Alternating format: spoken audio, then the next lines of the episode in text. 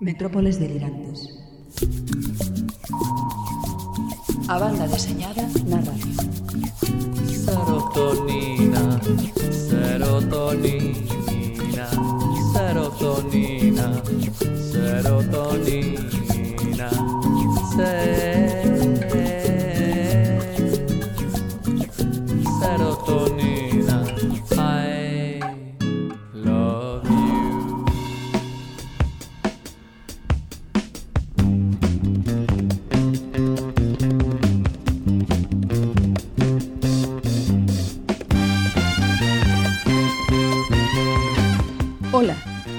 Nieve Rodríguez e aquí comeza a 72ª emisión das Metrópoles Delirantes. De de.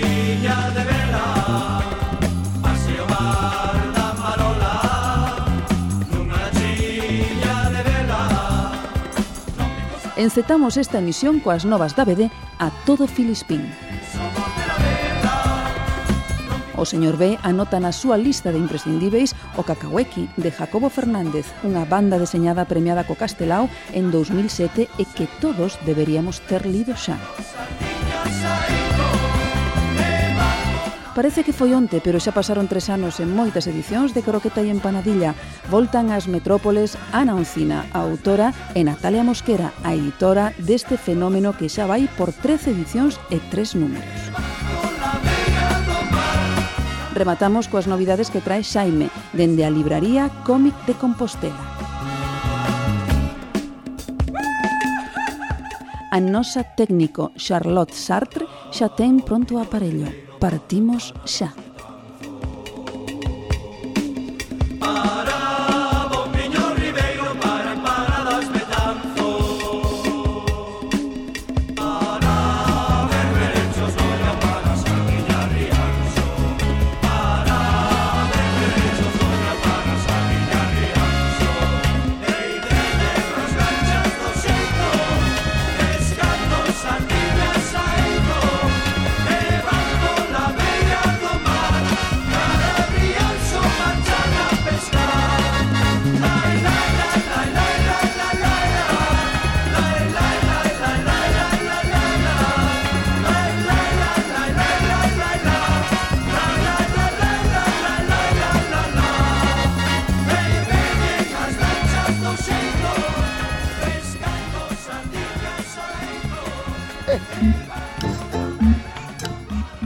Metrópoles Delirantes, a banda deseñada na radio.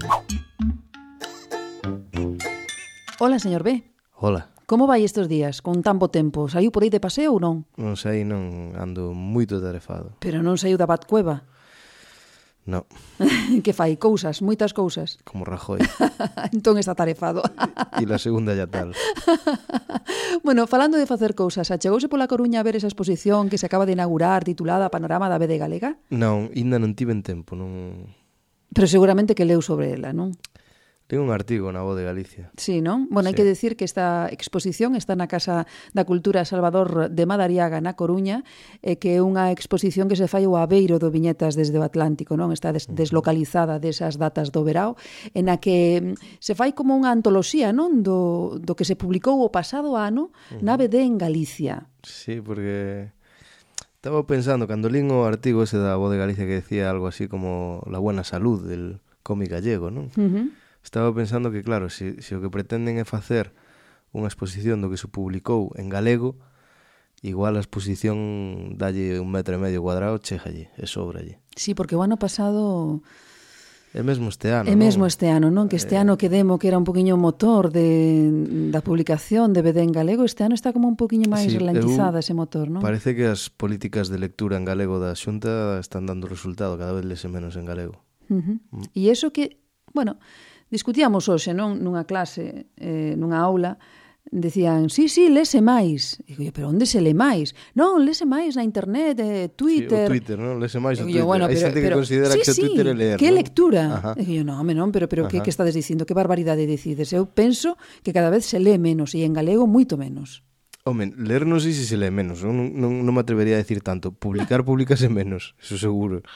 E no caso da BD empeza a ser preocupante, non? Porque parece que cando cando demo pasa así un tempo sin publicar algo, a cousa baixa consideradamente. Sí, sí. Considerámonos que estamos xa orfos de DVD galega, non? Mm. Se el non, non está E iso que pensando. este ano hubo unha boa nova que que coa, co cambio de dirección en Galaxia Francisco Castro dixo que iba a publicar un par de BDs de Kiko da Silva que xa estaba traballando nelas eh, pero bueno, pero por exemplo Serais Este non ano sae vai, vai dos Asteris, vai eh? publicar eh? un Asteris, pero pero pouco máis. Non eh. arrisca aí eh, serais. Bueno, non sei, eh. Eu aí habería que, non sei, non sei cal é a solución, pero, bueno, si, sí, a solución sei cal é eh, editar máis, pero non sei, pero empeza a ser un pouco preocupante, non? O panorama. Uh -huh. Bueno, pois hai que decir sobre esta exposición eh, titulada Panorama da BD Galega que está aberta ata o vindeiro 5 está, de suño. Está vostede facendo a miña sección. Ah. Eu non fago a súa. É Eu non fago verdade. entrevistas. Por que se mete vostede na miña sección? Bueno, pois entón é certo. Disculpe ajá, vostede, señor ajá, B, de verdade ajá, que sí. Ajá. Contenos entón que o que podemos ver nesa exposición atacando e onde. A exposición Panorama da BD galega na, está na Casa da Cultura Salvador de Madariaga eh, da, na Coruña. A mostra organizada ao Aveiro do Salón Viñentas desde o Atlántico reúne unha antoloxía da produción gráfica de 68 creadores. Esta exposición quedará documentada coa publicación de un catálogo específico que incluirá un traballo de cada un dos debuxantes. Nesta exposición conviven os traballos de artistas cunha longa trayectoria cos de artistas emerxentes mais todos eles reivindicando a calidade da historieta en Galicia. A exposición está comisariada polo autor e ilustrador Jano e poderá visitarse todos os días ata o vindeiro 5 de xuño e poderemos ver obra de autores como Emma Ríos, Manel Cráneo, Luis Sendón, José, Ángel, José Ángelares ou Miguel Anxo Prado, entre outros. Fran Bueno, Alescal, Tirso Cons, obra editada en Francia, en Estados Unidos. Claro que dicíamos, non? Eh, nada editado aquí e nada editado en galego, moi pouco. Pois sí, a verdade é que... Bueno, sí que é verdade que, a, que, que os autores que sí que hai un montón de autores e que están publicando fora e que están facendo cousas, pero sí que, bueno, aí temos unha eiva que agora xa, falando en serio, sí que habería que solucionar e a quen se xa pertinente, pois habería que, non sei, poñerse un pouquinho a traballar nesto, non? Porque uh -huh. un país sin cultura a poucos sitios vai, eh? acaba sendo pouco país. Bueno, igual esa é tamén a, a intención, non? Acabar con nós como país. Pois non sei, pero, pero que bueno. si é certo é que no caso da BD clama o ceo. Eu só vou dicir unha cousa, eh? Que? Se non puderon os reis castelás en 500 anos, Tampouco. Tampouco van poder estes, eh? Amén. E seguimos con outra cousa, pasa palabra.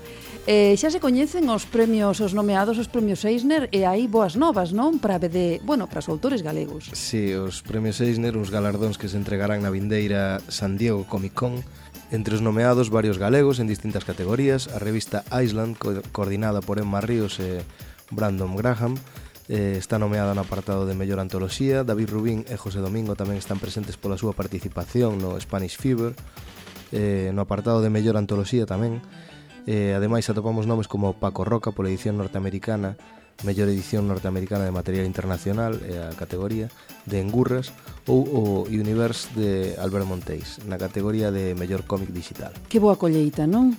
Que ben, bueno, está claro, non? O que se ven repetindo desde fai moito tempo, non? Que a BD, o panorama da BD estatal eh, é forte, está ben para, para o Estado, non? Que é, quero dicir, bueno, non é Francia, sempre nos comparamos con Francia, non? Porque sempre queremos ser os millores en todo.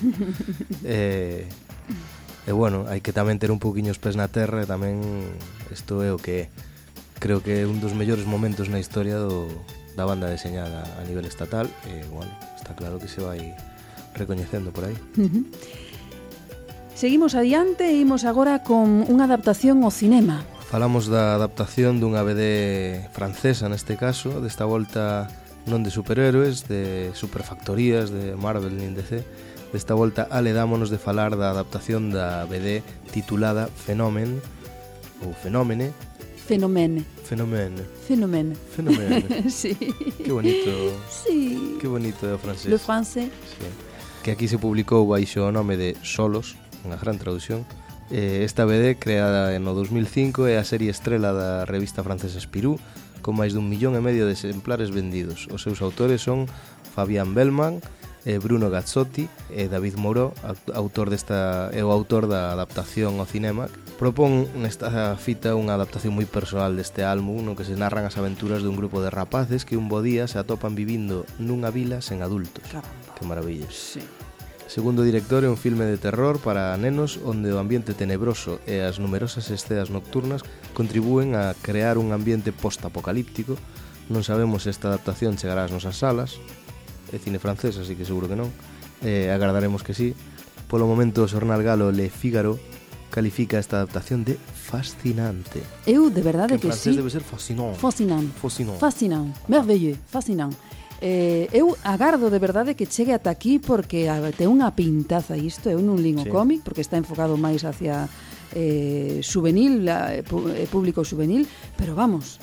Eu que, que... que eu que xa sabe vostede que son algo repunantiño, eu creo que tamén deberíamos ter un pouco máis de cultura europea eh, e non esta absoluta invasión imperialista de material norteamericano en todos os eidos, en todas as cousas, é dicir, non sei, a ver se si Trump fai un muriño aí no medio do Atlántico ou algo, bueno, no medio do Atlántico non porque os caralla, pero non sei, que proíba a exportación de porquería desa que mandan eles, non? Máis cine francés, máis cultura europea, non? Uh -huh. Vostede ven hoxe guerrilleiro, eh? Veño guerrilleiro, Cajo, ese sí, ese sí. Bueno, pois falamos agora dun festival de autoedición gráfica. Sí, o Tenderete, eh, o Festival de Autoedición Gráfica Sonora por excelencia que se celebra en Valencia. Mira que rima, eh? Sí, señor, que, ben, que eh? poeta. Quenta xa motores para a celebración da 14ª edición os vindeiros 16 e 17 de xuño. Por isto mesmo, poñemos no voso coñecemento que xa está aberto o prazo para a presentación de solicitudes para, para poder asistir. É obrigatorio enviálas xa que por mor do espacio é preciso facer unha escolla das mesmas. Importante tamén é recalcar que as solicitudes enviadas fora de prazo non se terán en conta e que dito prazo remata o venres 12 de maio. Máis información sobre este aspecto en tenderetefestival.tumblr.com Aí está. E xa para rematar, imos cunha iniciativa ben chula que están poñendo en marcha dende as librarías eh, unha iniciativa, como di vostede, ben chula e solidaria. Nas vosas librerías de BD xa tedes a dispor de balde unha grapa titulara, titulada Los Vengadores, acoso nunca máis. Esta grapa de Marvel, editada por Panini, ponse en riba da mesa a problemática do acoso escolar, que é por que temos que decir basta e que é mellor que Peter Parker, aquel adolescente marxinado no instituto, e os heróis máis poderosos da Terra para non deixala pasar e dar unha solución pedídello o voso libreiro que é de balde. Pois aí está esa iniciativa ben chula que pon en riba da mesa esa problemática Tamén estaba facendo que? José Ángel Ares unha grapa para distribuir no día da no día do, do cómic, non? Mm, o día do cómic xa pasou. Ah, xa pasou. Sí. Ah. Eso xa non... Teño que sair da cova, eh? Sí. Está claro. Quédalle moito dentro da cova? Quédame unhos diñas, sí. Bueno, pois nada, que disfrute vostede nós. Eh, sairemos a tomar o sol, e a poñer a barrija ao sol como aos lagartos. Comezamos xa.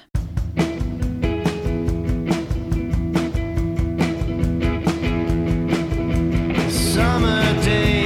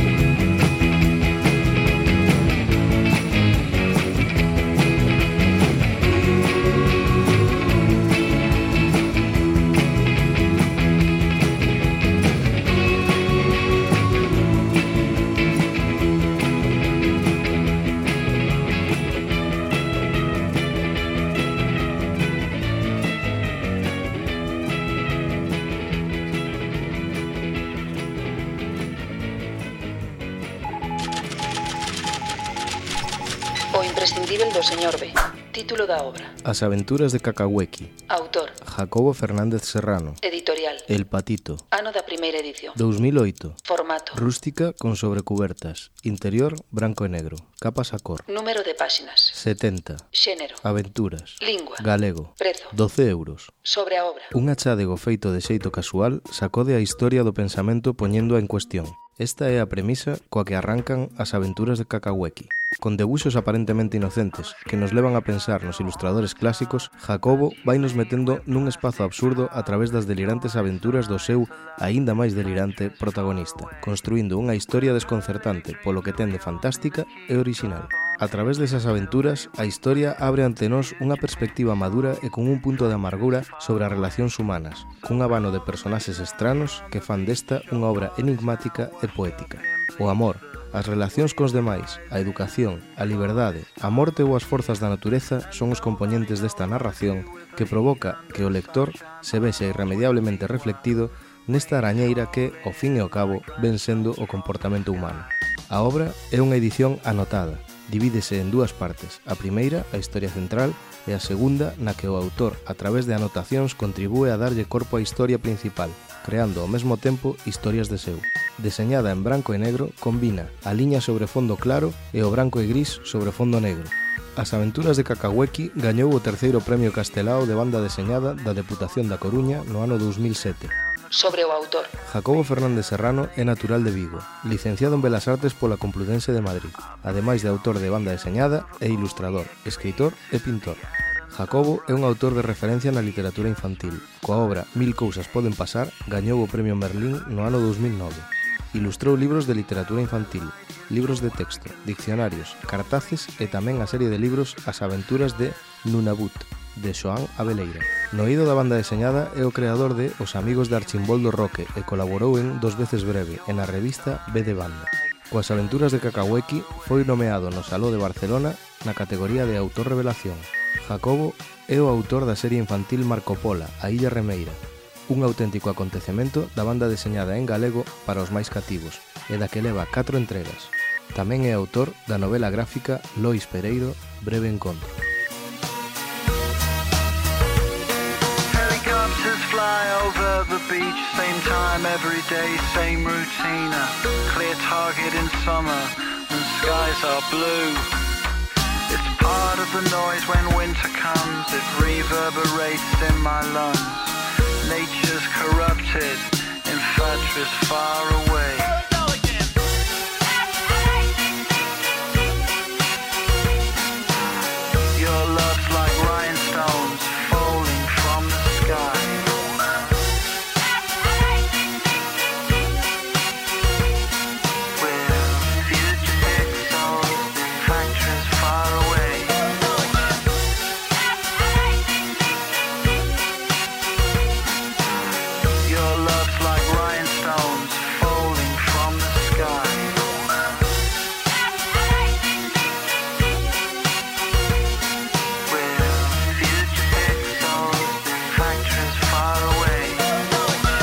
Hai xa tres anos, cando, como a Kendi, estábamos a construir as metrópoles delirantes e tivemos a oportunidade e o prazer de charlar cunha autora que daquela estaba a dar os primeiros pasos na escena comiqueira. Esa autora traía daquela en baixo do brazo o seu primeiro cómic e veu coa súa editora unha muller que creu no seu proxecto dende o primeiro día. Tanto unha como a outra Pouco podían albiscar o que o futuro lle xía deparar con ese traballo. A autora é Ana Oncina, a editoria, a editora Natalia Mosquera, da editorial La Cúpula, e a obra que xa é un fenómeno de ventas en todo o Estado é Croqueta e Empanadilla, que foi galardoada co Premio do Público no Saló de Barcelona. Bienvenidas de nuevo, Ana, Natalia, qué gustazo teneros como visitantes metropolitanas de nuevo. ¿Qué tal? Muy bien.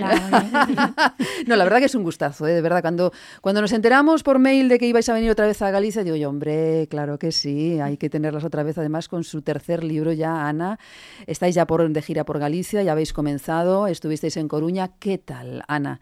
Eh, ¿Notas que ha ido creciendo los fans de Croqueta y Empanadilla? Sí, lo noto, lo noto. Sí.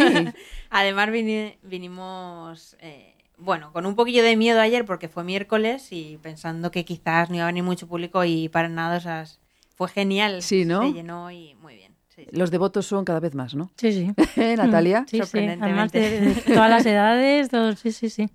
A mí me comentaba, esto no sé si se puede comentar, me decía Natalia y después me comentaba ella que estaba muy contenta porque hoy en la estación de tren un padre con croqueta y empanadilla, ayer no pude ir, cuenta, cuenta, cuenta que eso es muy bonito.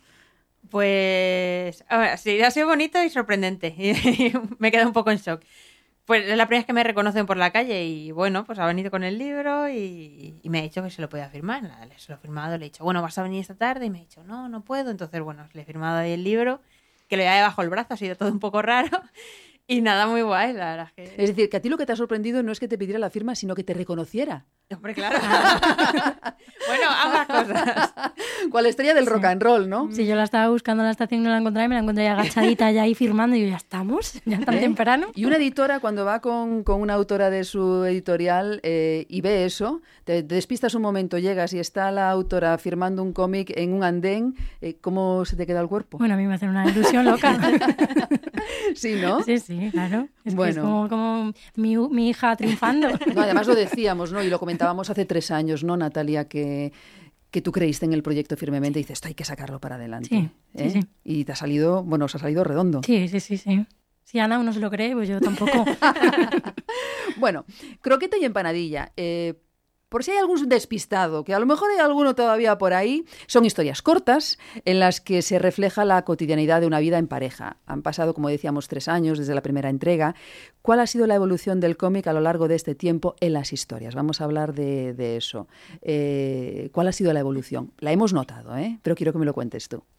Bueno, a ver, no sé si, lo he sabido reflejar bien, pero bueno, con las historias siguen el mismo patrón, ¿no? Que son historias cortas, autobiográficas, siguen pues, pues una- un humor blanco, mm, con siempre primo, bueno, prima el humor. Pero sí que es cierto que yo, hombre, o intento evolucionar gráficamente y narrativamente, entonces, bueno, yo creo que en Croqueta y Empanadilla se, se ve esa evolución. Y después de tres años, menos mal que, que, bueno, sigo aprendiendo y evolucionando. Bueno, lo decías tú, ¿no? Ese humor blanco, todo Mm. buen rollismo y tal. Pero bueno, en este croqueta y empanadilla ya vemos que, Ya. que hay, algún roce así, alguna pullita, ¿no? Y dices, eso es normal, ¿no? También hay que Hombre, introducir ese claro. tipo de cosas porque en Mm. cualquier relación siempre hay roces, ¿no? Sí, sí. ¿Ha sido difícil introducir eso? Porque claro, la gente está acostumbrada a ver ese buen rollismo entre croqueta y empanadilla. ¿Te ha sido complicado introducir ese ingrediente a mayores? No, ¿No? Yo creo que, a ver, sí que es cierto que este libro me he tomado mucho más tiempo para hacerlo, me tiré dos años, Ah. sobre todo recopilando historias, eh, tomándolo con más calma, luego hice, pf, bueno, deseché muchísimas. Entonces, yo creo que, que pues en ese sentido de, de haber escogido con más tiempo, pues a lo mejor sí que... No sé por qué he decidido al final meter ese tipo de historias. Tampoco lo he pensado mucho, te digo la verdad. ¿Te ha salido natural? Sí, supongo que, que luego de ver cuáles tenía, pues a lo mejor esa le veía cierto punto más gracioso, más que puedo ver que se puede sentir la gente más identificada y, y siempre he escogido así un poco. Bueno, tu trabajo en, croquet- en croqueta y empanadilla está en poner en primer plano esas pequeñas cosas que nos suceden ¿no? en el convivir diario con nuestra pareja. Cosas tan nimias que así como suceden, las olvidas, ¿no? Y pues, están ahí y, y nada más, ¿no? ¿Es este el secreto de éxito de la serie? Hacer que recordemos esos minúsculos detalles y hacernos olvidar lo duro que es convivir, que al contrario, es divertido. ¿no? Que a veces en, en el- en ese vorágine parece que se nos olvida que convivir también es guay, ¿no? Hombre, yo supongo que sí, que tiene ese toque de buen rollo, que, que bueno, pues siempre está ahí, ¿no? y bueno, también que sea una croqueta y una empanadilla, pues a la gente debe hacerle Le- gracia. le hace gracia, claro. Entonces, bueno, pues, pues sí, supongo que, que es eso. Y también, es que como es un público tan amplio, que, es- que hasta niños lo leen, supongo que, que debe ser un poco eso, ¿no? Aunque ayer eh, en la firma vino una madre con su hijo y, y bueno, el niño está ahí como muy ilusionado y la madre me dijo, yo se lo compré, pero luego me lo leí y vi cosas que, que igual él no debería haber leído. ¿Cómo? Y yo, sí. Eh, y ¿Qué dice, no, dices? pero lo curioso es que como que se lo, se lo comento y él como que no sabe de qué va. Claro. Claro, es decir, no le dan esa importancia que le damos los mayores, ¿no? claro, a lo es mejor, que yo creo ¿no? que la, la clave es que lo puede leer todo tipo de público, pero Mm. que cada uno hace una lectura Claro, distinta. distinta. Claro. Sí. Claro, claro. A, a veces somos los mayores los que Sí. le ponemos esas barreras a los niños de esto no Sí. lo lea. ¿Pero por qué? Es lo que Sí, sí. dices tú, ¿no? Mm. Cada, cada, cada persona tiene su capa de lectura o tiene su punto de vista. Sí, yo así también que- lo veo así. De hecho, es que yo creo que es un libro muy blanco. O Sí, sea, sí, sí, sí, sí. yo Muy creo- divertido, que te pone la sonrisa en la Sí. cara y que no, no te la desprendes hasta que acaba el libro, sí, sí. Bueno. ¿Te, te sorprendió el comentario, sí, no? Sí, me sorprendió. Y luego, claro, el niño todo curioso ahí, ¡ay, explicármelo! y yo tampoco sabía muy bien a qué se refería la madre, ¿no? Entonces le dije, bueno, pues ya cuando seas mayor te lo vuelves a leer y Claro. entonces descubrirás más cosas. Claro, claro, claro. Así Pero que- sí, fue curioso. Bueno, entonces la, la- la pregunta que te tenía preparada de, eh, claro, como es un libro para todos los públicos, ¿no? Que lo pueden leer los más mayores hasta los más pequeños, ¿vas a hacer que envejezcan o algo? o que se enfaden así un día que diga, pues me voy de casa dos días. Pues hombre, no lo sé. Va un poco también con la realidad, porque mucha gente Sí. me dice, bueno, el siguiente paso es que se casen y yo, pues mira, si va conforme a mi vida, no. Sí, porque O- eso tiene mucho de autobiográfico. Claro, yo es que lo siento muy mío, Claro, muy yo, sí. y muy lo que me pasa a mí. Entonces yo hay cosas que quizás es el paso lógico, pero no es lo que yo veo para mí y no lo veo para ellos. Claro. Entonces, no lo sé. Supongo que si pasa el tiempo y yo envejezco, Que lo vas a hacer, ¿eh? Que no te pienses que te vas a escapar, que lo vas a hacer. Vaya, hombre. pues supongo que, hombre, si también sigue funcionando, también, pues supongo. Bueno. No lo he Eh, pensado tampoco. lo has pensado, ¿no? No. Dice, bueno, deja, déjate, déjate que está muy bien así, como está. Yo cruzo dedos de que esto siga para adelante y ya, pues según vaya, claro. Bueno, claro, esta es una pregunta que siempre se deja para el final. Eh, estás preparando lo, pro- lo próximo de Coqueta y Empanadilla, pero ya que viene al hilo, supongo que habrá más entregas, ¿no, Natalia? Vosotros desde la editorial estáis encantados. Hombre, yo, yo- por mí ojalá, pero esto es cosa de ella. Ella que vaya haciendo a su ritmo y cuando tenga otro preparado, pues adelante. Y cuando se ha pasado dos años preparando este libro, desde la editorial no le estabais... Bueno, ya, ¿eh? Venga. Eh, ¿no, no, ¿No hubo presión ahí o qué? No, no mucha, pero Uy, uy, sí, que, a ver, a sí ver. que alguna vez me preguntan, ¿qué? ¿Cómo lo llevas? Yo, yo quiero pensar que no la presionamos. Yo igual, si la presiono, la presiono un poco como lectora más que como editora, porque ya quiero saber. Ah, porque tú, claro, cuando ya empieza a trabajar tú no tienes ni idea. Claro, yo recibo de repente ahí un montón de historietas seguidas. Bueno, de vez en cuando recibo por WhatsApp alguna imagen suelta, entonces ah, digo, bueno, Ajá. ahí estamos, bien, bien. Pero, pero no, que vaya haciendo a su ritmo. Es como mejor sale al final y como se nota. Sí, sí, esa naturalidad que desprende en las historias, supongo que también vendrá por eso, ¿no? Por, oye, tú a tu ritmo y hazlo como, como, como tú veas, ¿no? Eh, ¿Cómo recopila las historias? Tú vives tus, tus cositas y dices, ¡ostras, lo voy a apuntar! Porque Sí. vamos, sí, ah, sí. Porque yo voy a decir, no, no puede ser, porque vamos, yo mm, en mi vida cotidiana también vivo situaciones así que a mí me parecen súper graciosas, que a lo mejor a alguien no le hace ni gracia, pero me las olvido ya. Decir, yo digo yo, pues, tú lo haces así, ¿no? Yo sí. Aparte tengo que apuntarlo en el momento porque ¿Ah, se sí? me olvida. Sí, Ay, sí. espérate, espérate, espérate, que... O tengo que guay. el móvil y tengo que apuntarlo. Sí, sí, si no llevo libreta, claro, sí. Bueno, ya me he acostumbrado, ¿no? También trabajo de eso, entonces pues cada vez que veo algo, ya no que me pasa a mí o, o que me cuenten, a mis amigos o que vea por la calle, pues me, me lo apunto. Y luego eh, a lo mejor apunto una tontería que luego, como me ha pasado en este libro, a los meses lo veo y digo, ¿esto qué es? ¿Esto qué es?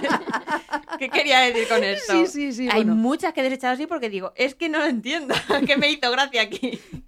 Bueno, bueno. Bueno, y en el aspecto formal, eso también lo hemos visto, ¿eh? Eh, Mm. La forma de narrar, más fluida, has ido creciendo con, con las historias también, los colores.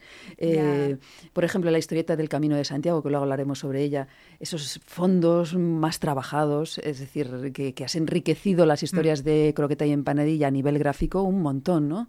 ¿Ya te apetecía ahondar más en eso? Yo creo que sí. O sea, yo estoy con- muy contenta en realidad. También es que como estoy todo el día con el cómic, leyendo cómic, eh, dibujando, pues yo creo que, pues, he evolucionado eh, y, lo que me queda, ¿no? Pero, pero sí quería pues curarme más la narrativa, hacer otro tipo de, viñetas, más viñetas por página. Eh, también es cierto que, que se me queda eso grabado de la gente que me dice, es que se, lee muy rápido. Y claro, yo digo, joder, llevo un, un año con esto oh, y hice Lores en 15 minutos. Y entonces digo, joder, qué pena. Entonces sí que intentaba hacer más viñetas por página. También a lo mejor un- una historia que me duraba cuatro páginas, a lo mejor ahora me dura dos, pero yo creo que, intentaba potenciar un poco eso, ¿no? Que disfrutar más el libro. Hay mucha gente que me dice, me leo dos, dos historias al día. Y yo, madre, paciencia. No, podía hacer eso. y bueno, fue un poco por eso y, y también como, como ejercicio y como evolución y porque... Te bueno, apetecía. Claro, sí, sí. Sí, sí. No, no, y bueno, y luego el color también, que yo también... No, no, te lo iba a preguntar ahora, porque el Sí. color es un, un pilar fundamental ¿no? en Mm. el libro En Croqueta y Empanadilla. Supongo que para escoger esa paleta de colores que le vayan a cada libro que quieres o lo que quieres transmitir tú, supongo que será un proceso lento y, y de concienzudo, ¿no? De pensarlo bien, ¿no? ¿Qué es lo que vas a poner ahí, no? Yo creo que, vamos, sí, estoy convencida. De hecho, el, el primer libro sí que fue a bicolor y el segundo ya que lo hicimos a cara color, mm, claro, era mi primer trabajo también a color. Yo, mm, pues, pues el, mundo del color, igual que el mundo de la tipografía, hay mil cosas que, o de la narrativa, que cuando te metes en el mundo del cómic dices, ostras. Aquí hay un montón de cosas que... Qué posibilidades de- Claro, sí, sí. de un montón de cosas súper enriquecedoras y súper importantes que, que no lo tenías en cuenta y que una vez que te pones a trabajar en ello, eh, te das cuenta que son muy importantes. Entonces, bueno, pues también Emilio de la cúpula me, me, me ayudó a hacerme una paleta eh, y bueno, he ido aprendiendo cada vez más. Entonces, en el segundo libro, como fue el primer trabajo, yo creo que ahí eh, aún me queda un poquito de... Yo ahora lo veo, ¿no? Con la evolución. En el momento a lo mejor decía, estoy contenta. Pero, pero ahora sí que lo veo que con el tercero estoy realmente contenta, ¿no? Con el uso del color. No, a, a mí me ha sorprendido, ¿eh? Eh, Es decir, claro, cuando te llega Croqueta y Empanadilla 3, no sabes lo que te vas a encontrar porque no has Mm. visto nada. Y ¡Ostras! ¿No? Y a mí lo que más me ha sorprendido son los fondos. ¿No? Mm. Los que no son tan planos, no, no es tan plano el, el- el color ni el dibujo, Mm. igual que en la primera parte. el- Digo yo, ostras, pues eh, qué bonito, qué chulo, ¿no? Parece como que los haces ya más tuyos los personajes. No lo sé, no lo sé. Bueno, eh, la obra lleva a sus espaldas 13 ediciones, ni más ni menos. Natalia, ¿esperas que en esta nueva entrega bata récords como hicieron las anteriores? Uy, yo cruzo ¿Qué expectaciones los tenéis desde la cúpula? Pues cruzamos los dedos y que siga triunfando. Así que es cierto que, que el uno se sigue vendiendo más que los demás y, y también supongo que hay un punto que la gente ve la novedad y no la conoce y dice, bueno, pues voy a empezar desde el principio, entonces siempre todo acaba remitiendo al, al uno. Pero el, el tercero que acaba de salir ya, ya la lleva dos ediciones en, en nada y, y sigue funcionando fenomenal. O sea que... ¿Y cuándo salió? ¿Hace un de mes? febrero. ¿Febrero? Sí. ¿Más de te- dos ediciones ya? Uh, Sí, sí, no, no, eh, no. que va como una No, flecha. hay un punto que, que, que nos asusta porque no estamos acostumbrados a triunfar y entonces también...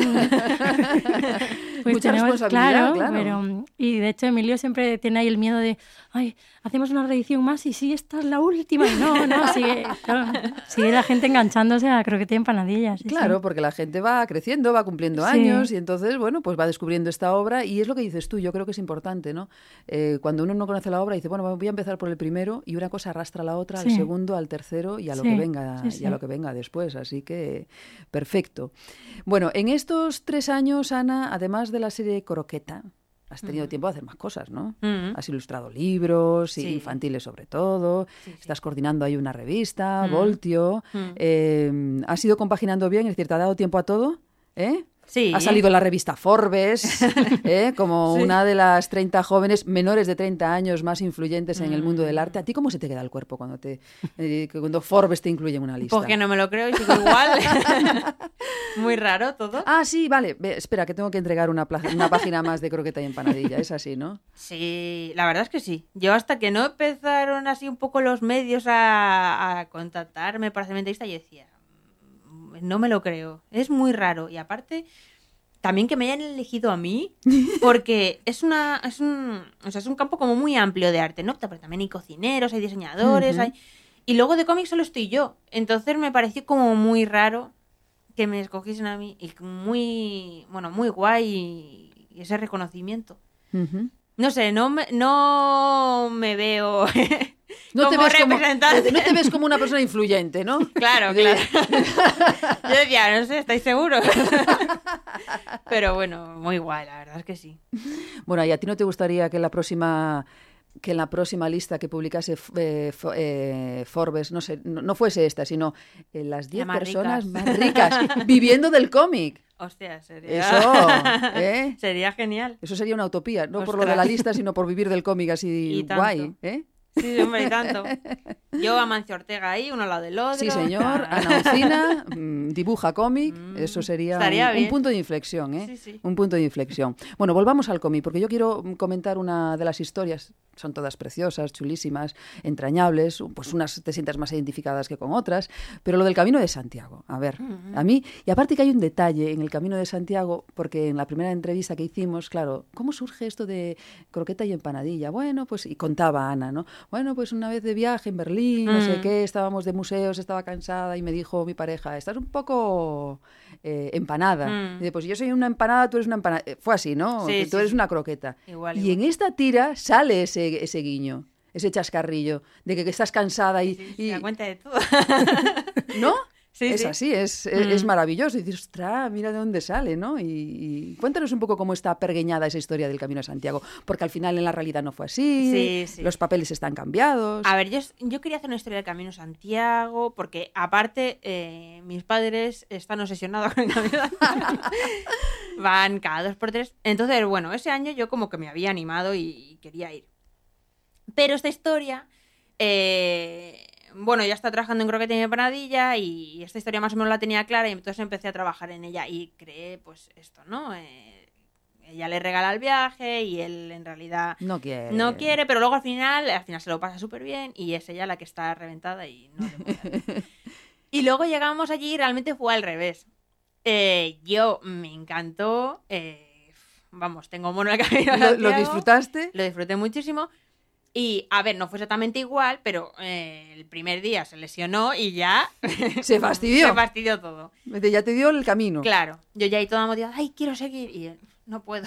Entonces, claro, pues fue un poco así. Pero bueno, estoy muy contenta, quedó muy guay. No, no, quedó muy, muy, muy, muy bonito y a mí me, me gustó por ese guiño, ¿no? De, venga, hombre, que estás empanada. Y dices, "Ah, tenía que ser, tenía que ser, ¿no? Y claro, como mis padres tienen un montón de fotos, un montón de cosas del Camino Santiago, pues fue como, bueno, venga, pasarme fotos, que vaya aquí viendo cómo son los paisajes, la zona que voy a hacer y tal. Así es que muy bien. Y al final hiciste el camino de Santiago. Sí. Un trocito. Sí, sí. Aún te falta mucho, pero un trocito, una tapa sí que hice, hiciste. Sí. nada, hice poco, hice Roncesvalles Pamplona. Bueno, te queda el resto. Mm, ¿Eh, sí. Natalia? Sí, sí. Tienes que ir las dos juntas. Yo la espero aquí en Santiago. Ay, la editora es lista, la editora es lista, sabe, sabe lo que pasa, ¿no? Es- esos dolores de pies, todo lo que se refleja en esa, en esa historieta. Bueno, se aguanta. Y luego también es una cosa muy bonita como, como terminas el libro, que yo no quería, yo no quería reventar, ¿no? Pero ese miedo del artista, Mm, ¿eh? sí. La verdad es que esa historia la pensé y luego dije, hostia, sería un buen final. ¿Verdad? Sí. Es- Esos miedos que, que- que cuando una persona se dedica a un trabajo creativo, dices tú, Dios, ¿y esto realmente le va a gustar a alguien? Sí. ¿Eh? Eso con todo. Con todo, ¿no? Sí. Pues es un final muy, muy, muy, muy bonito, muy bonito. Y no quiero destripar más el libro. Mm. Así que eh, ya saben que tienen que, ya sabéis que tenéis que comprar croqueta y empanadilla. Nosotros después de aquí nos vamos a una firma, aquí a Santiago, para que todo el mundo conozca, conozca el libro. ¿Qué planes tienes, Ana, Eh, sobre mis...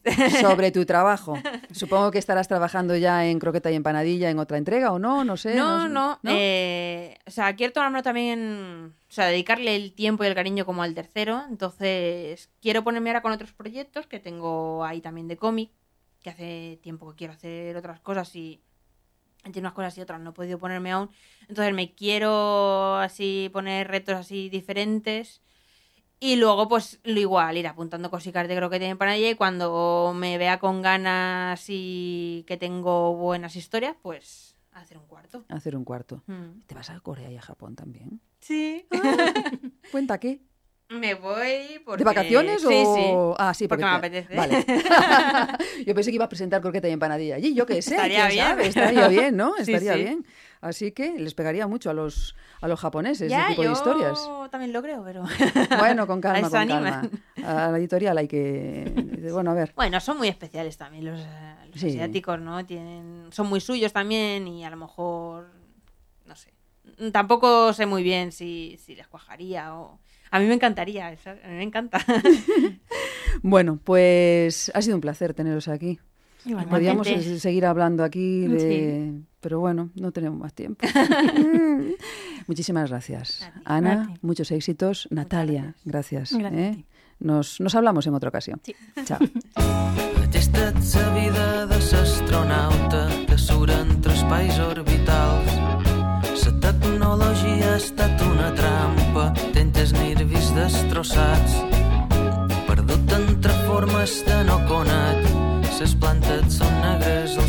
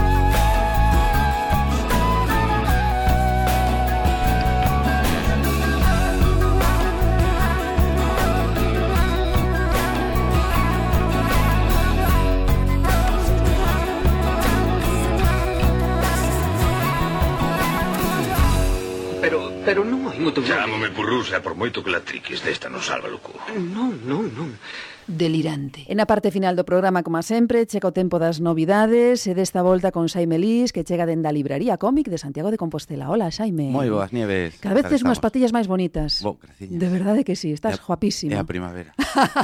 que la sangre altera.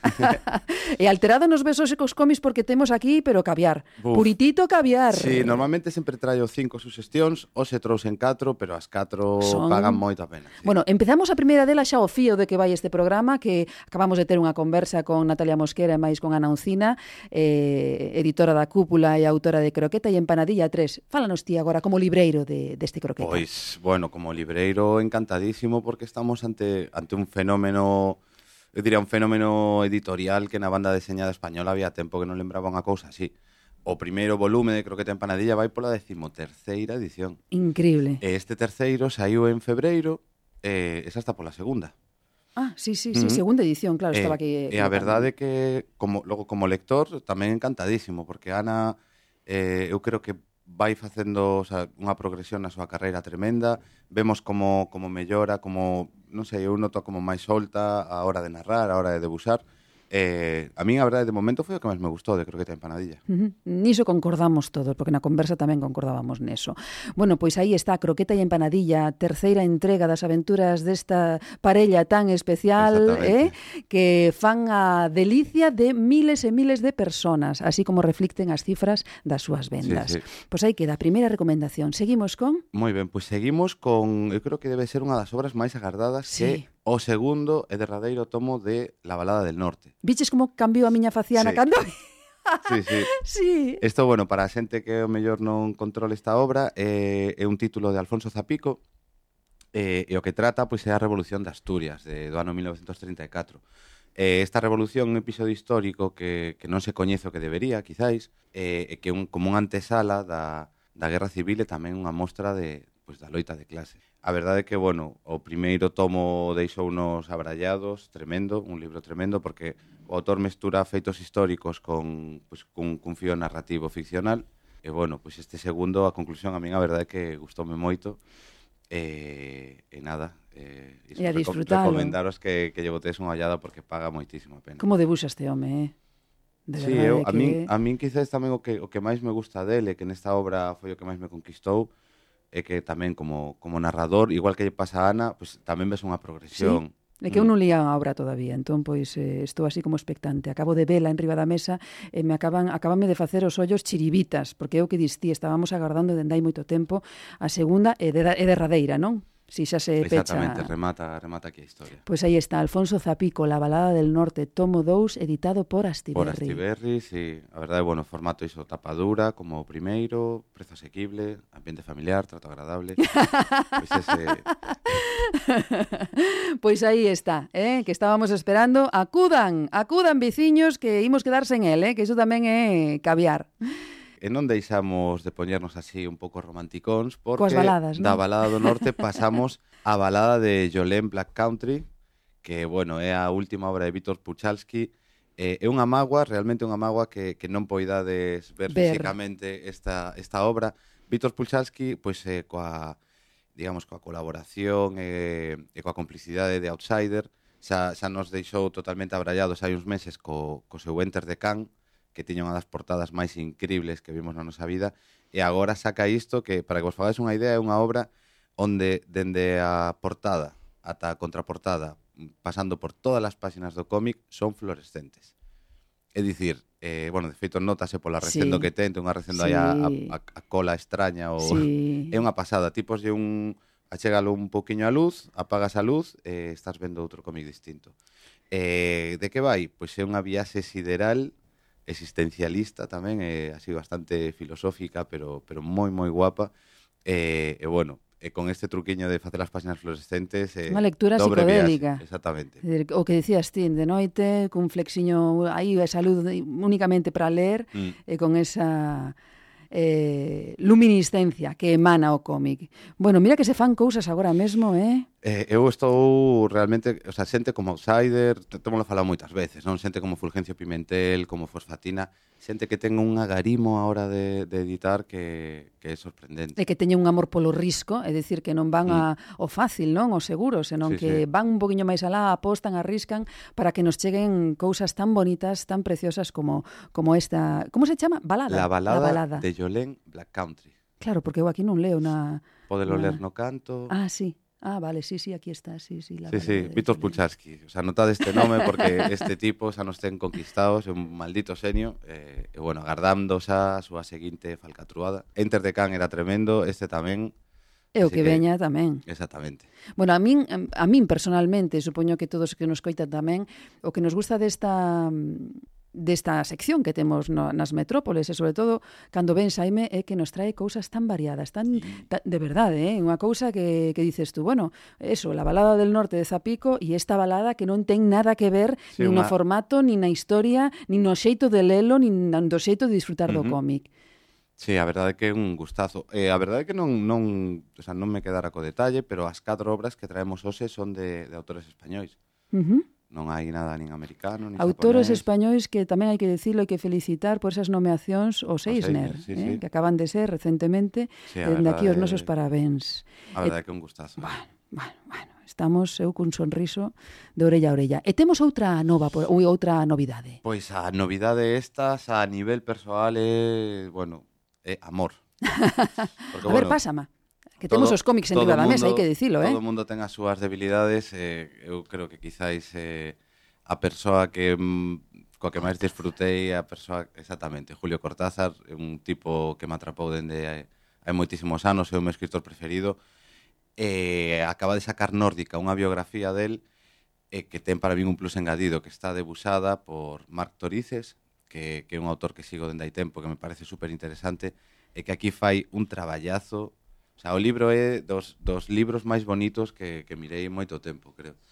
Eh, bueno, eh, con, con guión de Jesús Marchamalo, pois eh, vai pasando por, por distintos episodios da vida de, do escritor argentino, e, eh, bueno, é unha auténtica maravilla. Ai, que debuxo ten. Sí, sí, a nivel gráfico é tremendo. Sí, sí. Eh, a nivel de, de guión eu creo que está bastante ben estruturado. Eh, e, e bueno, que se queda moi ben coas, coas cousas máis importantes de, da vida de Cortázar, pero iso, o, o libro como artefacto, o libro como, como obra de arte que é unha pasada. Editado por Nórdica, que bueno, é outra destas editoriais como Impedimenta ou, ou bueno, eh, Sexto Piso, eh, editoriais que, que comezan aí tamén a, a meterse no mundo do, da banda deseñada, pois con bastante acerto, creo eu. Eh, e bueno, xa vos digo, Cortázar, de Nórdica, eh, feito por Jesús Marchamalo e por Marc Torices, eh, e, bueno, unha auténtica gozada. Se vos gusta Cortázar e desflipar, e se non o coñecedes moito ou non vos gusta, tamén é un desflipar. É un bo xeito, non, sí. de coñecer a Cortázar a través sí. deste, deste libro. Bueno, pois aquí temos estas catro novedades eh, para todos os gustos e se queredes aínda máis, como sempre decimos, achegabadevos ata cómic, ata a librería cómic e aí tedes, como antes apuntaba a Xaime, bo trato exquisito, bo, bo ambiente facer, familiar. ambiente familiar, eh, libros de todo tipo, así que teredes onde escoller. Eh, Xaime, moitísimas Nieves, gracias. Un placer, como un sempre, graciñas a vos por acollerme. Nada, Grazas a ti por vir ata as metrópoles, que sabemos que hai un camiño longo, pero... Nada, ata a ah, próxima. Ata a próxima. Me echaron droga... Delirante. En el colacao. Rematamos esta viaxe pola banda deseñada que comezaba coas novas da BD. O señor B trouxo unha BD galega aos imprescindíveis, as aventuras de Cacahuequi, de Jacobo Fernández, puro delirio e pura crema.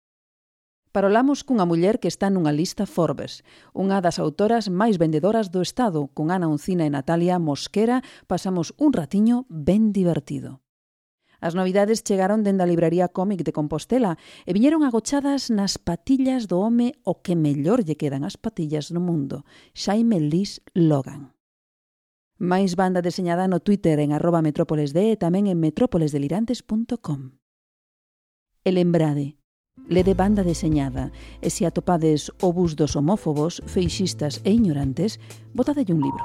A ver si lendo se fan humanos. Metrópoles delirantes. A banda deseñada na radio.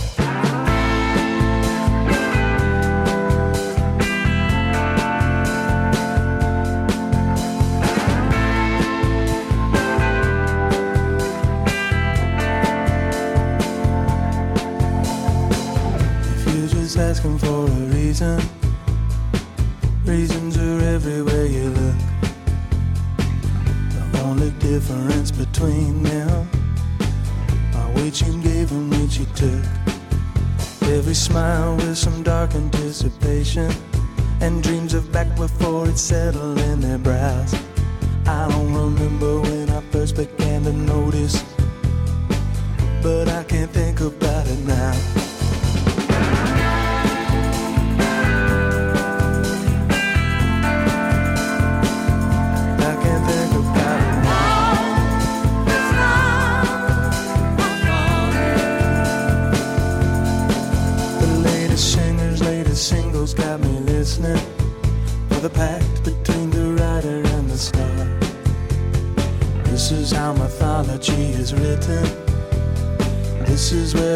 Lawless jungles are.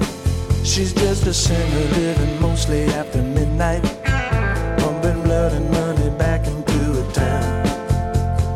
and it all eventually betrays her. But I